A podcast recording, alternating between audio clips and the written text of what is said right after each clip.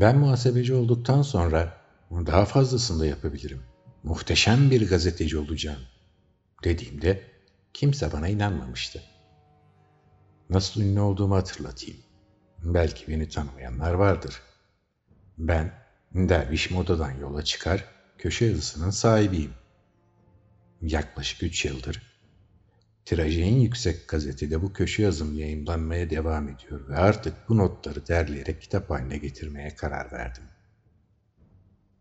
Son üç yıldır köşe yazımı takip etmeyenlere bir özet geçmek istiyorum. Derviş Tekinsiz isimli bir kullanıcı, sosyal medyada kervan yolda gerek diye bir etkinlik gerçekleştirmişti. Bu etkinliklerin sayısı yüzü aştı ama artık yapılmıyor. Çünkü derviş kayıp. Etkinlikler şöyle gerçekleşiyordu. Moda sahilde sabah onda toplanan grup yürüyerek yer değirmenine kadar gidiyor. Yolda karşılaşan insanlarla derviş muhabbet ediyor, sonra da herkes yoluna devam ediyor. İşte ben de burada haberci kimliğimle ortaya çıkıyorum. Bütün konuşmaların ses kaydını alıyor, sonra da en yüksek tirajlı gazeteye bu konuşmaları metin halinde veriyorum. Bu konuşmalarda dervişin hep bir adım yanında bulunduğum için tüm konuşmaları eksiksiz verebiliyorum. Daha önceden yaşanan tartışmaların tekrar yükseltmemesi için şunu açıkça belirtmeliyim. Derviş tekinsiz hiçbir zaman kendisini bir dini lider, seçilmiş kişi ya da peygamber gibi sıfatlarla anmadı ve anamları da uyardı. Dervişin verdiği örneklerin anlatım tarzı alışık olmadığımız bir şekilde gerçekleşebilir. O her zaman şöyle derdi. Bizler ne melek ne de periyiz. Yolunun yolcusu. Sizler gibi birer insanız. Bu çalışmamda köşe yazılarımda paylaştığım haberlerin hepsini yayınlayamayacağım için dervişin verdiği örneklerin sıralamalarının yanlarında köşeli parantezlerle vereceğim. Sonra Vay efendim bu cümlelerin sonunda neden içinde türlü sayılar olan köşeli parantezler bırakmışlar demeyin. Benim haberlerimden alıntılar yaparak tez hazırlayan akademisyenlere de buradan bir tavsiye vermek istiyorum. Bakın, ben her buluşmada dervişle beraberdim. O hiçbir zaman bu söylediklerim moda söylevleri adı altında toplansın. Şunlar da Kadıköy söylevleri ya da ve bunlar da yel değirmenleri söyleyiver olsun demedi. Öyle alakasız konuları peş peşe sıralamışsınız ki bu başlıklar altında okununca hiçbir şey anlaşılmıyor. Dervişin mekan hakkında şunu söylediğine de dikkatinizi çekmek isterim. Hep buradayım, hep burada. Sen bildikçe burada. Peki ama yarın nerede?'' Burada yapılan alıntılar için hazırladığım konu başlıklarının kusursuza yakın olduğunu bilmek beni sevindiriyor ama belki daha iyisi yapılırdı. Kendimi övmeyi pek sevmiyorum. Muhteşem bir gazeteci olmuş olabilirim ama hala bir dil bilimci değilim. Önümüzdeki yıl tekrar üniversite sınavına gireceğim ve mühendis olacağım. Yazılım mühendisliği de fena meslek değil. Kervan yoldaşları üzerine söylevler. Kışın sizi üçten soğuk değil nemdir. Yazın bunaltanın sıcak değil de nem olması gibi. Sen de bunu bil, bunu söyle. Kervan yoldaşım, merhaba. Hayat karmaşık ve yaşamak zor. Fakat hep birlikte aşacağız bu işi. Onlar her gün yan yana gelip de hiç konuşmayanlardı. Herkese bir iş verilmişti. Onlar da bu işleri yapıyorlardı. Yanlarına uğradık ve sorduk. Siz kimlerdensiniz?'' Yan yana durmuşsunuz ama birbirinizle tanışmamışsınız. Bu işte felaket vardır. İnsan tanımadığına kötülük yapabilir. Aynı evi paylaşıp da birbirini tanımayan kardeşler bile vardır. Bunlar hatalıdır. Biz bunları sorduk ve onlar bize gitmemizi söylediler. Mesai saatlerinde konuşurlarsa işlerinden olacaklarını belirttiler. O zaman dedik ki, biz mesai saatleri dışında yolumuzda yürüyoruz. Siz de gelin. O zaman bize anlattılar ve bir sonraki etkinliğe onlar da katıldılar. Kervana katılım fazla olunca bizi eleştirdiniz. Karton kutularda bizden para topluyorlar haberiniz yok dediniz. Biz size o insanlara para veriniz dedik mi? Kervana yoldaş olmak hatalarınızı da kabul etmeniz demektir. O paraları toplayanları yakalayıp neden böyle bir şey yaptınız diye onları sorguya çekmedik mi? Toplanan paraları geri dağıtmadığımız için mi kervandan ayrılanlar oldu? Şüphesiz ki biz o paraları LÖSEV'e yatırdık ve makbuzunu da etkinlik sayfamızdan paylaştık. Neden bu vakfı seçtiğimizi soranlara da kendini sevdirmeye çalışan ve para aklamaklık vakıflardan değildir o. Yaptıkları iş iyidir. Yardım etmek gerekir. Demedik mi? Buna rağmen bize yüz çevirenler oldu. Hakikat şu ki o gün yüz çevirenlerin sadece bedenleri geldi aramıza ve sonra da gitti. Niyetleri hiç buralarda değildi. Küçük çocuklar etrafımızda koşturuyordu ve hızlı ilerlememizi engelliyordu. Yakup Bey, kendi çocuğunu değil de sinir olduğu Erkut Bey'in çocuğunu döverse çocuğun yaramazlığını giderebileceğini söyledi. Biz bu eğitimi inkar ettik ve çocukları meydanda bir araya getirdik. 30 çocuğun önüne 5 kişilik peksimet bıraktık ve onlara karnınızı doyurun diye buyurduk ve gittik. Döndüğümüzde her bir çocuk karnının doyduğunu söyledi. İşte o zaman Yakup Bey'i yanımıza çağırdık ve dedik ki, paylaşmasını bilenle yolculuk yapmak onurdur. Geç olsun ama güç olmasın. Böylesi yoldaşları kim bulmuş ki biz şimdi onlara kötü davranalım? Yakup Bey hatasını anladı ve çocuğunu da alarak kervanımızdan uzaklaştı. Peşinden arkadaşlarımızı gönderdik ve bir tartışma çıktı ortaya. Ben bu kadar utanırken sizinle yolculuk edemem, diyordu Yakup Bey. Utanan insanda da hayır vardır. Hayırsız olan senin baban gibi utanmayan deyuslardır, dedik ve hep birlikte yolumuza devam ettik. Biz hiç kimseye ne pankart dağıttık ne de şu sloganları haykırın diye buyurduk. O gün polisler üzerimize tazikli su sıkarlarken yanınızdaki iki yüzlülere neden yardımcı oldunuz? Şüphesiz ki onlar propaganda için düzgün bir yol bulamamış ve hazır bir kalabalığı sokakta görünce şansını denemişlerdendir. Kervan yolunda gerektir. Yolsuzluklara alkış tutmak gereksizdir. Siz alkış tutanlardan olmayın. Kervan yürür, it yürür diyenleriniz varmış. O sözün doğrusu it yürür, kervan yürürdür. Anlamı da şudur. Meyveli ağacın taşlanması gibi iyilikte yarışan kimselerle uğraşanlar da çok olur. Akıl ve inanç sahibi insanlar kınayanın kınamasına rağmen hak bildikleri yolda yürürler. Akşam sizi evlerine kervan örür diyerek çağıranların isim listeleri elimizde. Hanım kızlarımız, şüphesiz ki pazartesi günü bu listeyi ahlak büro amirine teslim edeceğiz. Onlar bize sordular. Neden her hafta aynı yolda yürüyüp duruyorsunuz? Halk tedirgin oluyor. Ve sonra iki adım kadar daha yaklaştılar. Biz de o zaman durduk ve onlara şöyle buyurduk. Her gün aynı yoldan yürürseniz bile farklı öyküler okur zihniniz. Böyle bir metropol var mı dünyada? Öyküsü tükenmek yerine çoğalan. Belki de merak edersiniz.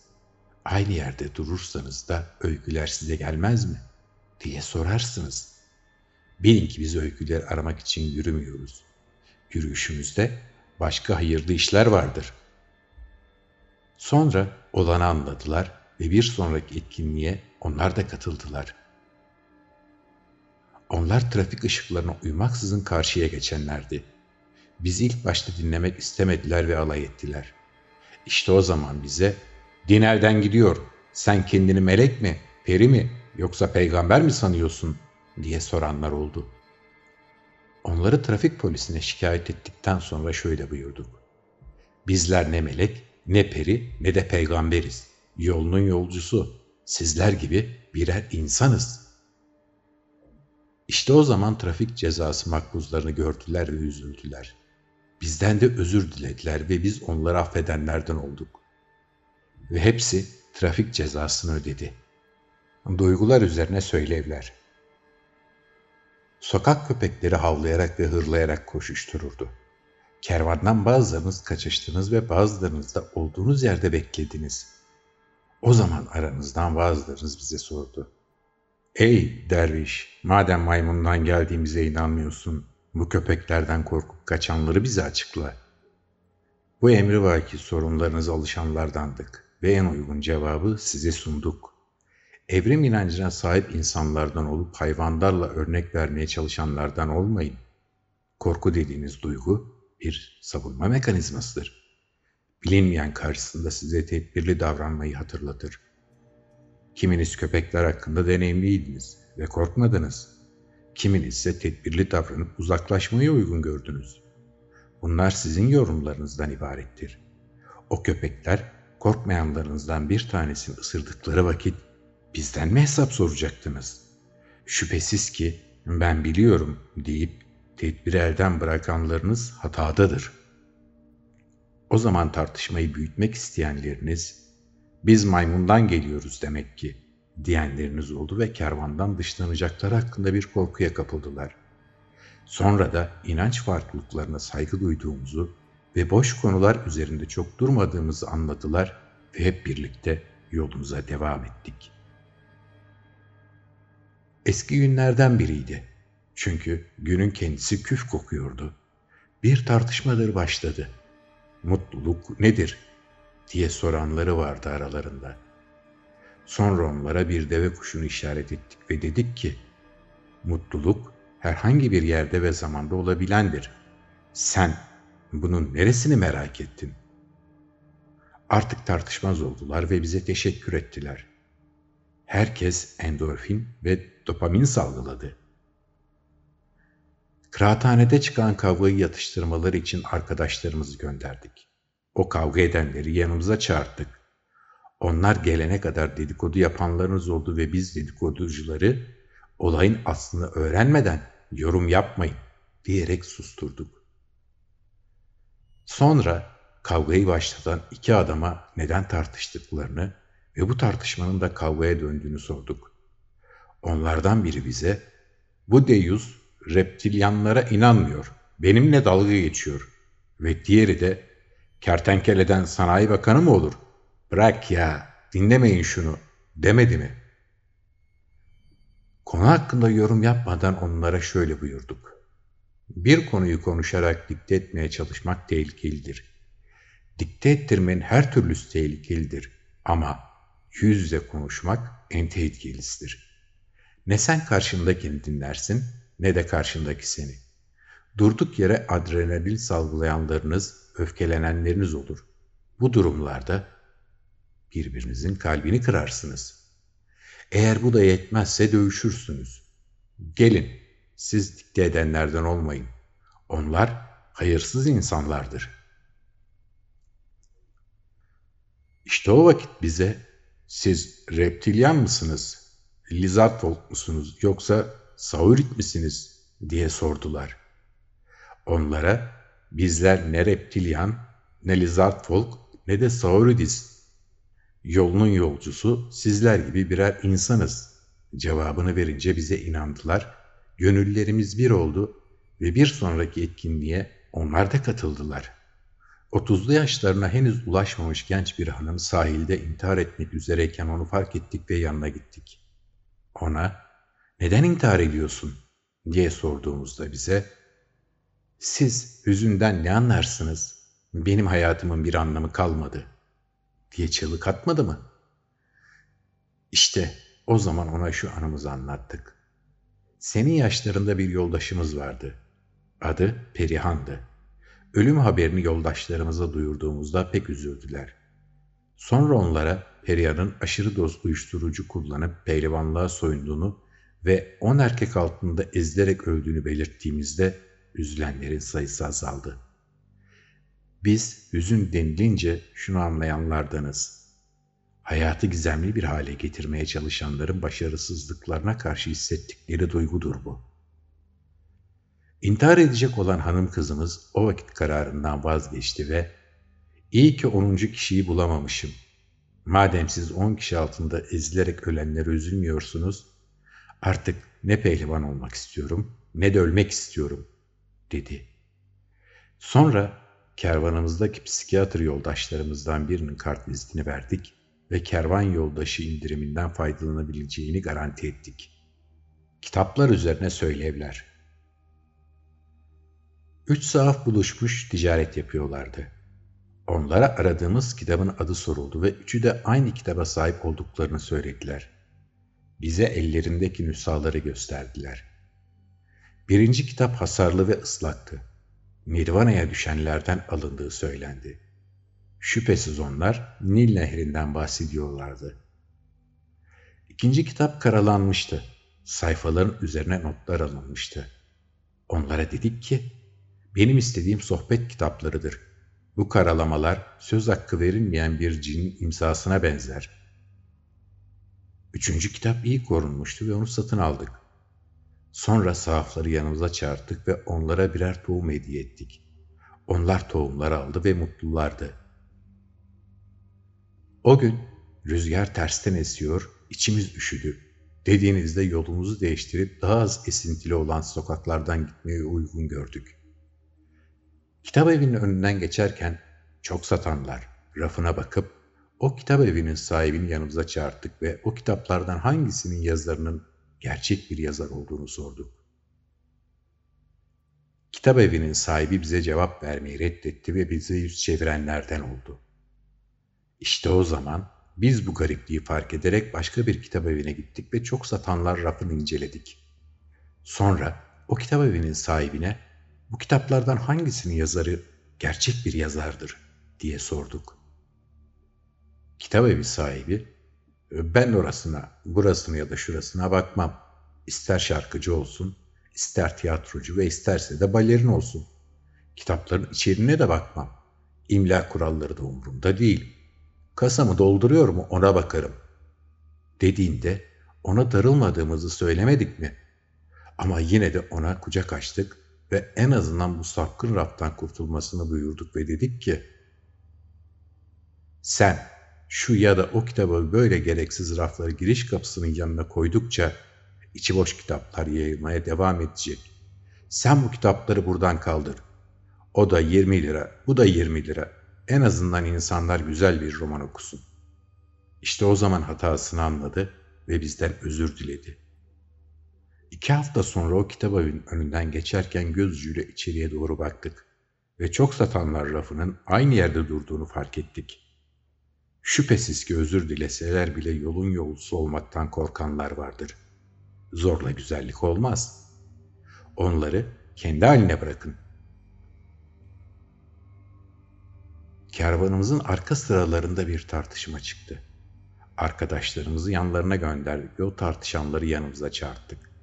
Tartışanlardan biri öfkeliydi ve diğeri ise ağlıyordu. Önce ağlayanı dinledik ve bize ben ona en değer verdiğim kitabı ödünç verdim. Oysa hem sayfalarını karalamış hem de üzerine kahve ve asit içecek damlalarından dökmüş diyerek yakındı. Sonra öfkeli olanı dinledik ve bize ''Yahu ben kitap okuyan adam değilim. Bu kadına 1574 defa anlattım. Neymiş? Efendim mutlaka okumam gerekiyormuş. Gönülsüz işten ancak bu kadar oluyor. Buna şükretsin.'' diyerek yakındı. O gün hepinizi toplayıp kitap ödünç vermek çok hassas bir konudur. Bu hususa davranacak olanlarınız karşısındaki insanı iyice tanısın ve ona göre hareket etsin. Herkes kitaplara aynı gözle bakmaz. Kimi ağırlığınca, kimi sayfa sayısına göre, kimi de ne kadar resimli olduğuna bakarak, kimi türüne, kimi basım yılına, kimi yazarına, kimi fiyatına ve kimi de çevresinde bu kitabın ne kadar popüler olduğuna bakarak okur.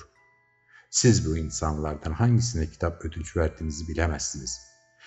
Size değer vermeyen kitabınıza hiç vermez. Kitap ödünç verip de üzülenlerden olmayın demedik mi?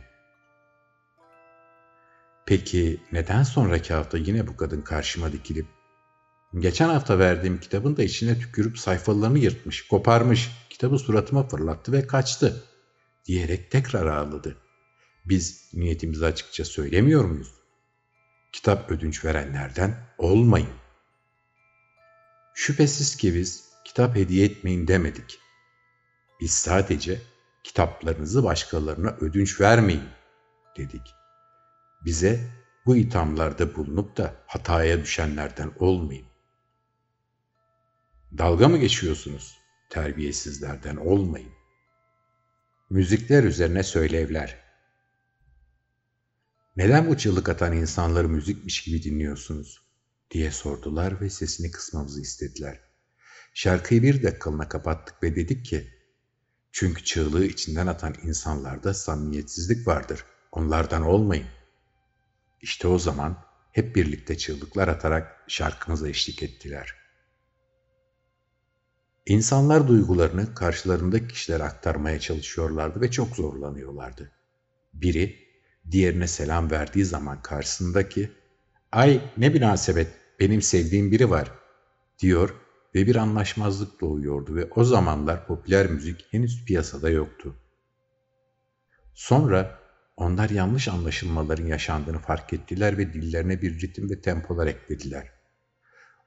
O zamanlar kimin ne dediği anlaşılır oldu ve yapılan esprilere anlatıcı gülmeden önce gülenler oldu. Örnek olarak size allegro tempoda konuşanları işaret etmedik mi? Rütento temposuna uyanlardan sıkkınlık duyduğumuzu belirtmedik mi? Daha sonraları insanlar sürekli aynı ritimlerin üzerine içi boş sözler yazıp şarkı diye piyasaya soktular ve gaflette bulundular. Müzik dinleyende de bir duygu oluşmaz oldu. Halk ozanları öldü, tövbe edenlerin sayısı etmeyenleri oranla utanç verici oldu. Kimse size o şarkıları dinlemek zorundasınız demedi. Bu şarkıları dikte ettirenlerden olmayın. O gün kaldırımda oturmuş, kulaklıklarını takmış ve gözlerini de kapatıp yavaş hareketlerle sağa sola sallanan genci gördüğünüzde telaş yapanlarınız oldu. O genci yanımıza çağırttık ve ne yaptığını sorduğumuzda müzik dinliyorum, güzel anılarımı hatırlatıyor ve ben de güzel vakit geçiriyorum cevabını verdi. Sonra aranızda tartışanlarınız oldu.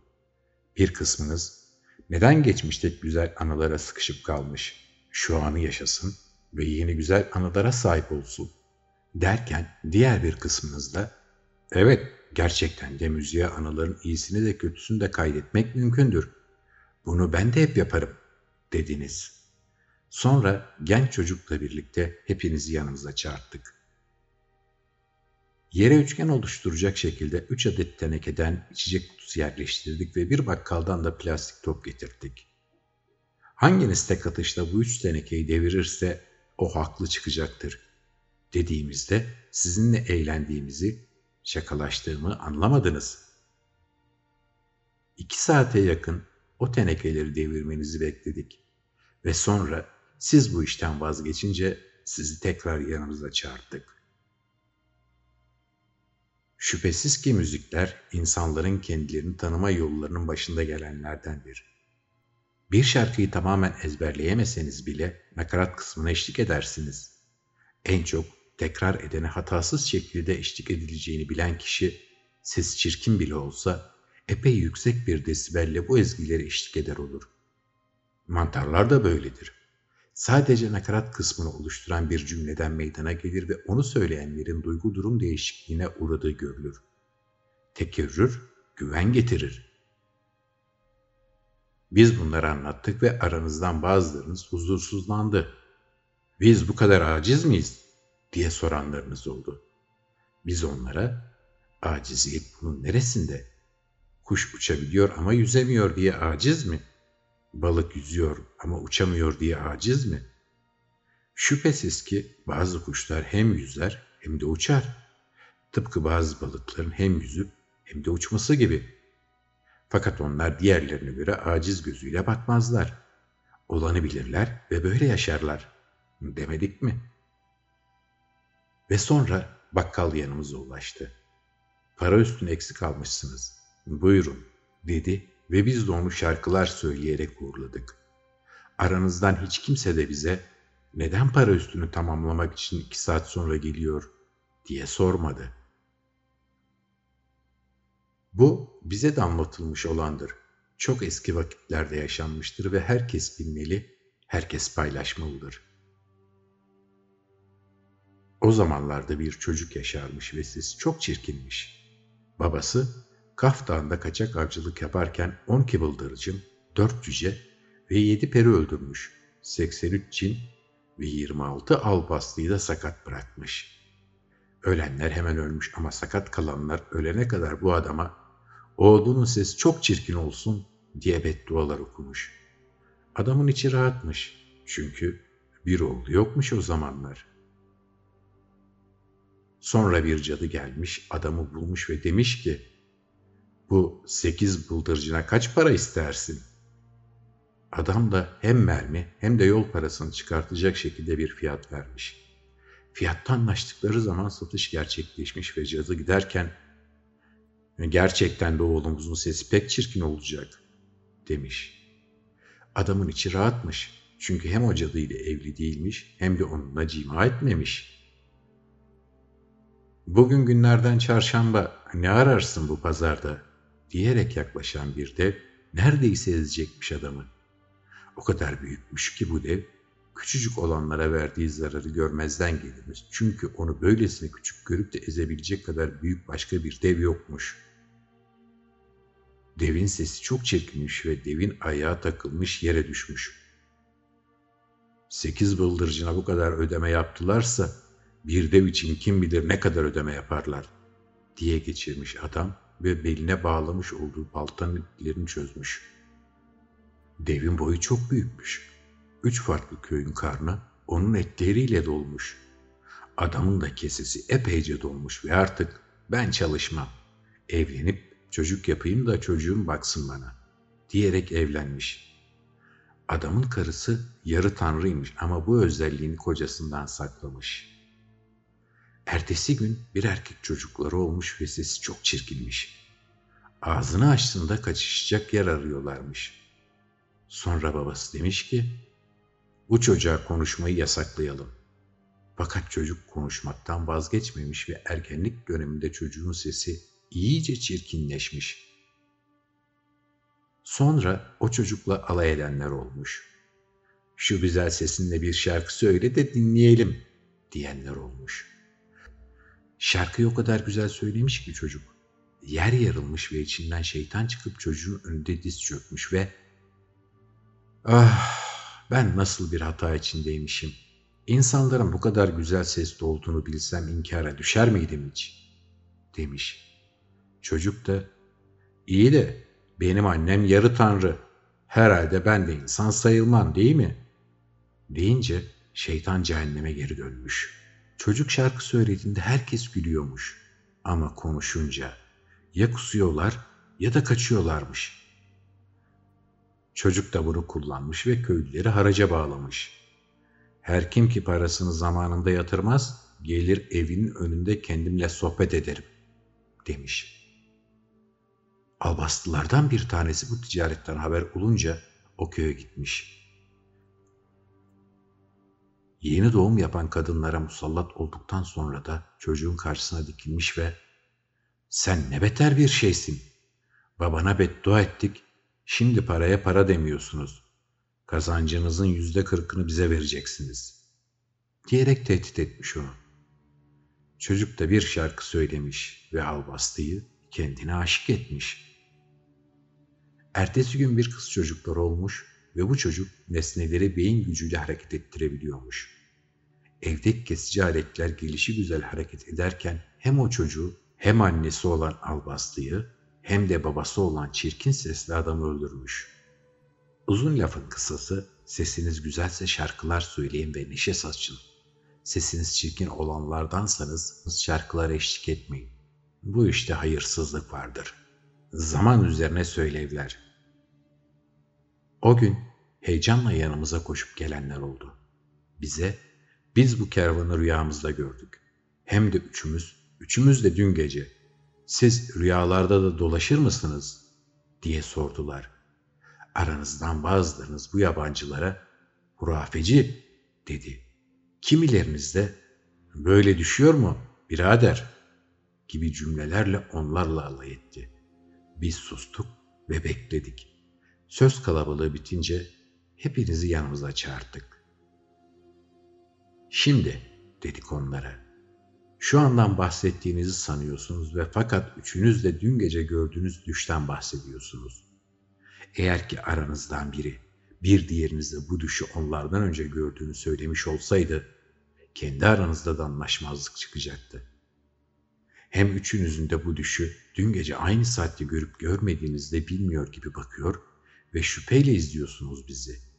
O vakit size zamandan bahsedelim ki aklınız daha fazla karışmasın. Sonra iki leğen ve bir damacana su getirdik. Leğenlerin birinin dibine delikler açtık ve diğerinin içine geçirttik. Sonra suyu bu iki leğen içine döktük. Üstteki delikli leğeni hafifçe kaldırdık ve içindeki suyun alttaki leğene aktığını gösterdik. Sonra delikli leğeni yine diğer içine koyduk ve suyun delikli leğene döndüğünü işaret ettik. Anladınız mı? diye sorduk ve cevap veren olmadı. Sonra onlara olayın aslını anlattık. Gerçekleri benimsettik. Bu üstteki delikli leğen şimdiki zamandır. Alttaki leğen ise geçmiş zamandır. Şimdi ile geçmiş arası açıldıkça zihniniz su gibi seyrek ama daha hızlı geçmişe akar. Evet, zihniniz bir sudur. İnsanlar bu yüzden geçmişe bağlı yaşamaya çalıştıkça zihinleri hızlanır ama olayları daha seyrek anımsar. Sonra da şimdiye daha yakın bir geçmişe bakarlar ve daha iyi anımsarlar. Bazıları ise şimdiyle geçmişi birbirine karıştırırlar. Onların suları bazen leğenlerinden dışarı dökülür, etrafı ıslatır, akılları karışır ve odaklanma problemi yaşarlar. Onlar bu gerçekleri benimsemekte zorlandılar ve hem utanarak hem de sıkılarak bize yine anlamadık dediler. O akşam bir arkadaşımın düğüne gideceğim için vaktimizin olmadığını başka bir zaman daha detaylı anlatacağımız belirttik ve yabancılarla vedalaştık. Bize hızla yaklaştılar ve saat kaç diye sordular. Onlara şimdi vakti değil demedik mi? Dinlenmek için kaldırıma oturduk ve peksimetlerimizi paylaştırdık. Karnımızı doyururken aranızdan biri çıka geldi ve iş yerindeyken vakit geçmek bilmiyor. Mesai bitimine kadar sanki zaman duruyor ama bu kervanla yola çıktığımda zaman su gibi akıp gidiyor. Siz zamanı yönetenlerden misiniz?'' diye sordu. O zaman peksimetlerimiz yeterince çiğneyerek yutmaya devam ettik. Sağlıklı, güzel içme sularından içtik. Hemen cevap vermedik ve sizleri meydana çağırttık. Meydan dediğimiz yerin az ötesinde ipe balonlar bağlamış ve para karşılığında bu balonları ateş ettiren bir esnafla tanıştık. Ona hayat hikayesini sorduk ve buradaki balon patlattırmacılık mesleğine nasıl başlamış olduğunu dinledik. Sonra yanımızdan kaykay ve patenleriyle hızla ilerleyen genç bir grup geçti. Onları işaret parmağımızla gösterip çok yetenekliler demedik mi? Daha sonra yine yürüyüşümüze başladık ve Kadıköy'ün yolunu da yarıladık. Sonra durduk ve bize soru soran adamı yanımıza çağırttık. Ona şöyle sorduk. Bugün de zamanın su gibi akıp gittiğini düşünüyor musun?'' O da bize şöyle cevap verdi. Hayır, bugün bitmek bilmedi. İşte o zaman zamanı yönetenler bizler değiliz. Sizin algı hızlarınız ve beklentilerinizdir. Eğer ki bir şey bekliyor ve elinizden bu konuda yapacak bir şey gelmiyorsa size zaman yavaşladı gibi gelir. Ancak bulunduğunuz anı yaşar ve işlerinizle meşgul olursanız zamanın nasıl akıp gittiğini anlayamazsınız. Bugün senin için zaman geçmek bilmedi. Çünkü soruna yanıt bekliyordur. Diğerleri için ise hızla geçip gittiğine emin olanlar vardır. Sen, sen ol ama zamanın yönetildiğini düşünme açıklamasını yaptık. Sanki daha önce bu örneklemeyi duymamışsınız gibi aralarınızda ıslık çalanlar ve alkışlayanlarla tebrik edenleriniz oldu. Bu kervan işinden sıkılmaya başladım aileler üzerine söylevler. Boşanmak üzere olan bir çift biz ziyarete geldi ve sorunlarını anlattılar. O onun bazı hareketlerini beğenmiyordu, o da onun. Onlara bize aile kavramını betimlemelerini buyurduk ve şu cevapları aldık. Aile yuva demektir ama yuva ne demektir? Bu adam bana unutturdu. Aile emek demektir. Ama bu kadın emek vermenin değerini bana unutturdu. O zaman sizleri yanımıza çağırttık ve ailenin ne olduğunu anlattık. Aile kelimesini etimolojik açıdan araştırırsanız tam olarak ne anlama geldiğini hatırlarsınız. Bir anne, bir baba ve çocuk ya da çocuklardan oluşan bu topluluğun birbirine olan bağlarıdır. İnsanların muhtaç olduğu eğitimin kaynağıdır. Eğer ki bu anlamı kavramış olarak yetişirseniz ne bir gaileye dönüşürsünüz ne de yuvanız haileye döner. İşte bu yüzden öncelikle birbirine saygı duyan ve güvenen insanlarca kurulmalıdır aile. Yoksa önümüze gelenle evlenip sonra da vazgeçmez miydik? İşte o zaman boşanmak üzere olan çift birbirine sarıldı, öpüştüler ve barıştılar. Evli de olsa insanların arasında öpüştükleri için tepki gördüler ve sonra da onlara genel ahlak kurallarını anlatmak zorunda kaldık. Haşlanmış mısır satan bir esnafın önünde ağlayan oğlunu döven kadını fark ettik. Onları yanımıza çağırttık. Kadına oğlunu neden dövdüğünü sorduk ve bize şu cevap verdi. Gitmiş, babasına annem seni aldatıyor demiş. Şimdi sevgilim de beni terk etti, hıncımı çocuktan çıkarıyorum. Sonra kadını geri gönderdik. Aldatan insanlarda hayır yoktur. Boş yere dil dökecek vakitte bizde yoktur. Çocuğun akıbetini bana soranlar oldu ve onlara şöyle buyurduk. Nereden bileyim ne oldu? Takibe mi alsaydık çocukcağızı? Resimler üzerine söylevler. O gün sokakta resim sergisi vardı ve aranızdan bazılarınız resimlere bakmak istediklerini belirtti. Biz de hep birlikte ziyaret etmeye uygun gördük ve sergiye katıldık. Bazılarınız resimlere bakarken garip sesler çıkardı. Bazılarınız da resimler hakkında tartıştı ve bazılarınız da eser sahipleriyle sohbet ettiler. Bir buçuk saatlik ziyaretimiz sonrasında hepinizi meydana çağırttık. Aranızdan biri resim sanat mıdır diye sorunca bir tartışma başladı. Herkesin susmasını, kavga edenlerin ayrılmasını bekledik ve sonra bu soruyu yanıtladık. Sanat adına verdiğimiz iletişim disiplinlerinden biri de resimdir. Her sanat dalında olduğu gibi resimde de birçok farklı şey karşı tarafa aktarılmaya çalışılabilir.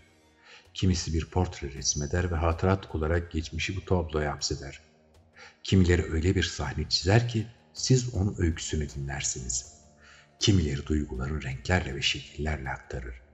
Evet, resimde bir sanattır. Bu dili kullananlar hayırlı insanlardır. Sonra aranızda yeni bir tartışma çıktı. Uygunsuz resimler yapanlar var. Ne biçim gudubetlikler sergiliyorlar. Diye bazı ressamları eleştirdiniz. O zaman size siz sanatı konuşmaktan farklı mı sandınız?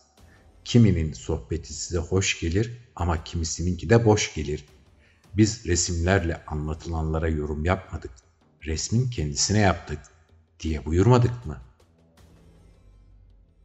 Onlara keşke bunu kelimelerle anlatmaya çalışmasaydın da resmi çizebilseydim dediğimizde mutluluktan bahsetmiyorduk. Şüphesiz ki onlar bizimle dalga geçenlerdendi. Felsefe üzerine söylevler.